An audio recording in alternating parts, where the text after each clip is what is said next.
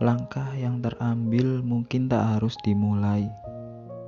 Butuh keberanian yang sangat besar untuk melangkah lagi. Aku tak seberani itu, tak seberani kenyataan yang diinginkan banyak pikiran.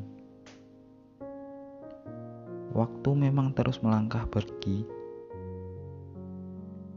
tak berpihak pada siapa pun yang menanti. Berbicara dengan waktu saja, aku tak sanggup. Apalagi perihal menahan perasaan di hati. Rasanya ingin keluar dan mengatakan segala resah yang menahan. Perasaan yang ingin selalu diutamakan.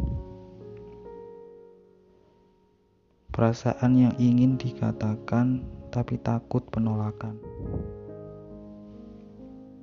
Mungkin menahan menjadi salah satu kelebihanku saat ini. Seolah-olah aku merasa tak butuh dirimu mengatakan, "Iya, aku ingin bersamamu." Padahal tidak.